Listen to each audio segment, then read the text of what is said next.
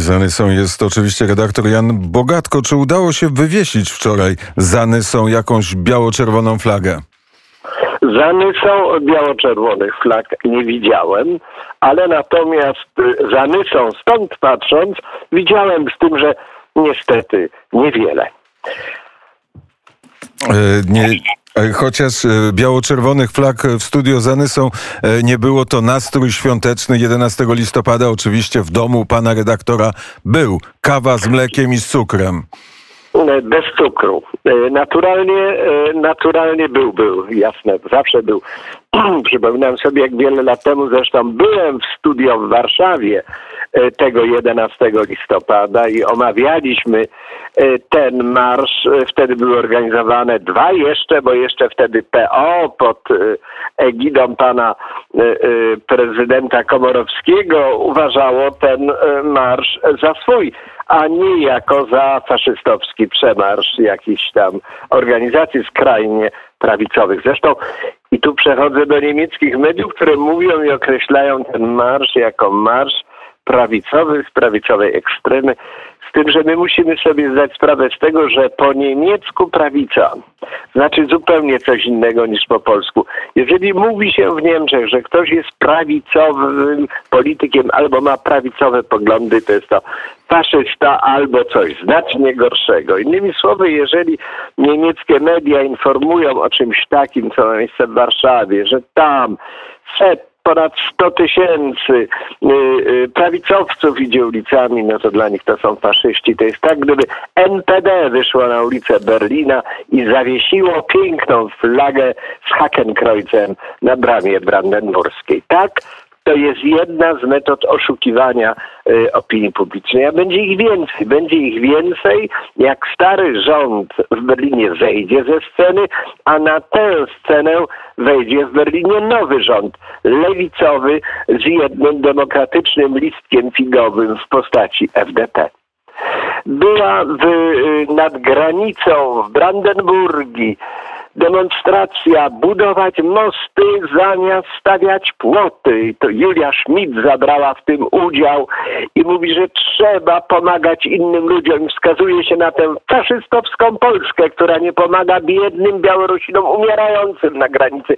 Przecież to jest rzecz tragiczna. 7 listopada y, Julia Schmidt to mówiła. Na razie ona to mówią po cichu. Mówią na jakichś niszowych spotkaniach i imprezach, jak ta e, w E, Frankfurcie nad Odrą. Ale jak tylko na scenę wejdzie nowy, wybrany, lewicowy rząd, wszystko się absolutnie zmieni.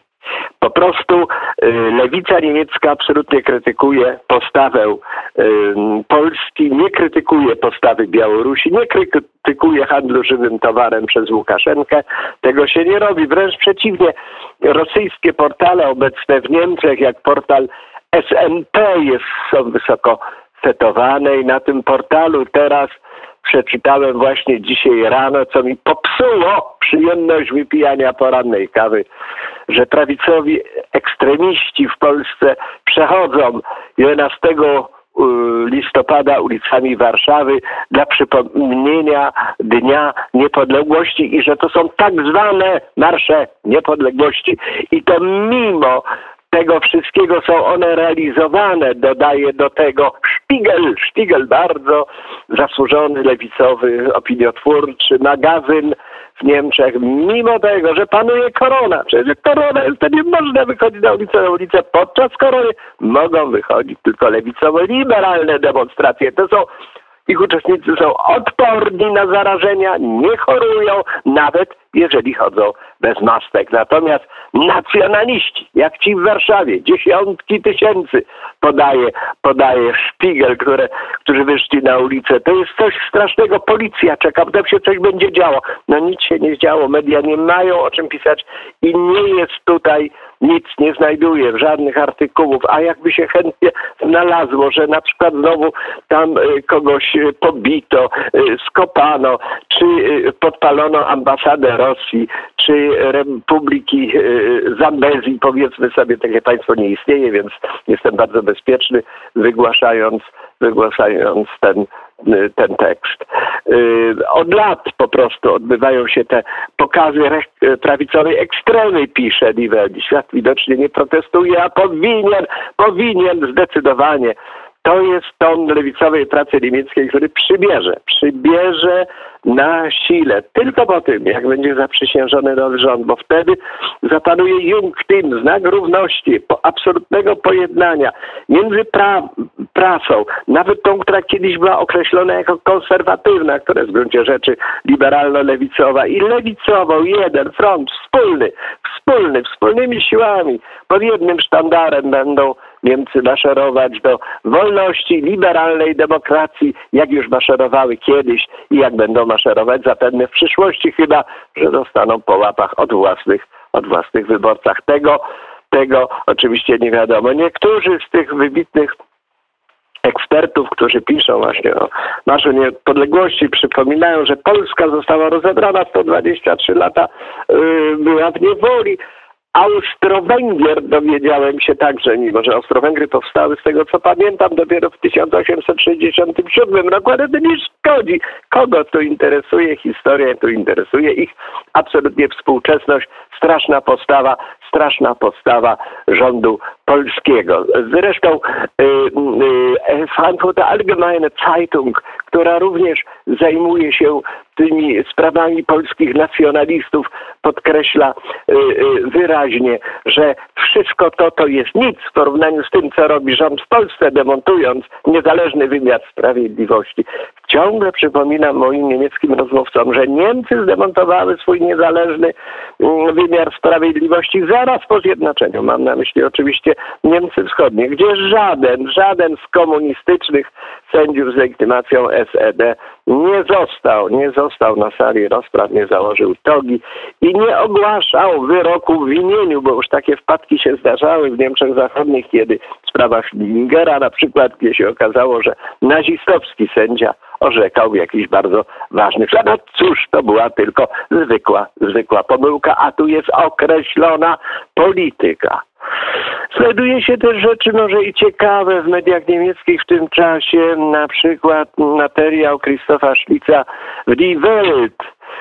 Koniec naiwnego i niebezpiecznego tabu w Unii Europejskiej. Mowa jest o granicy polsko-białoruskiej i o spór dotyczący, jak tutaj niemieckie media nazywają osadników imigrantami, a przecież widzimy, to mamy miejsce wędrówka ludów, są normalni osadnicy. Oni przyjeżdżają tu, żeby zamieszkać. Także nawet ci, którzy, którym uda się przejść przez między zasiekami, czy w jakiś sposób przez granicę polsko-białoruską, pędzą, pędzą, pędzą natychmiast nad Odrę, żeby przepłynąć, przejść, przefrunąć na drugą stronę, jeżeli ich nie złapie, dołączyć do swoich rodzin w Berlinie, do wielkich klanów arabskich, które zajmują się pożyteczną działalnością gospodarczą, o której oczywiście tutaj się, się nazywa zorganizowaną przestępczością, ale to jest już to jest margines, to już nie o to chodzi. Tu chodzi o to, żeby, żeby napisać o tym, jak Polska jest zła, jak Polska jest jak Polska jest okrutna. I tutaj Szlitz zwraca uwagę, że to nastawienie niemieckiej lewicy w tej całej sprawie ma charakter religijny. Ja o tym piszę i mówię od lat, tylko oczywiście nikt w to, nikt w to nie, wie, nie wierzy. Dla zielonych, którzy będą niebawem u władzy, dla zielonych Najważniejszą sprawą jest solidarny rozdział migrantów, jak pisze Die Welt, między wszystkimi krajami, nie państwami, krajami Unii Europejskiej, bo już Unia Europejska jest federacją, już nie ma państw niezależnych, są tylko kraje, tak jak Landy w Niemczech to też są kraje. A więc tu to jest ważniejsze od jakiejś ochrony granic, trzeba ich rozdzielić. Ale jak? Jeżeli Mohamed będzie się znajdzie w Lipsku, a on ma rodzinę 130 wujów, ciotki i, i, i, i bratanków w Berlinie, którzy wspólnie prowadzą działalność gospodarczą, to będzie chciał usiedzieć w Lipsku na marzenia ściętej głowy, ale to w ogóle nie o to tutaj chodzi i o tym, i o tym każdy, każdy wie. Tutaj Die Welt powołuje się z kolei na Charlesa Michela, który powiedział, że należało, to końcu jakiś ważny człowiek i powiedział, że to jest jednak straszne, że Komisja Europejska nie chce pomóc w budowie e, płotów, zasieków e, na granicy takich jak Polska, Litwa czy Łotwa, bo to jest w ogóle skandal, dlatego że e, przecież te kraje bronią w jakiś sposób granic zewnętrznych Unii Europejskiej. A co będzie, jak nie obronią? No przecież zawsze istnieje możliwość. Przecież wystarczy uchylić układ Schengen i wtedy wszystkie granice będą zamknięte, także i ta między Niemcami. A Polską i Polacy jeżdżący z y, polskiego zgorzelca do niemieckiego, do fabryki czy do y, pracy w domach starców będą mogli popatrzeć z drugiej strony rzeki na to, jak wyglądają Niemcy.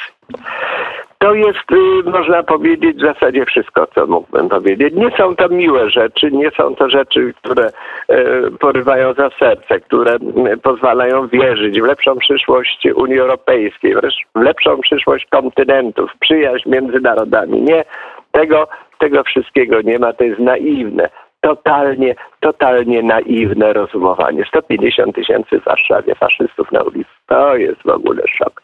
Ciekaw jestem, jak będę, spotkam się z moimi przyjaciółmi za kilka dni tutaj, co będą o tym mówić, że znowu, no tak, no Niemcy mają wielkie doświadczenia z faszyzmem, więc mm, pewnie się na tym znają, w końcu byli pierwszą ofiarą faszyzmu lata 33-45, faszyści napadli na Niemcy, a później na cały świat.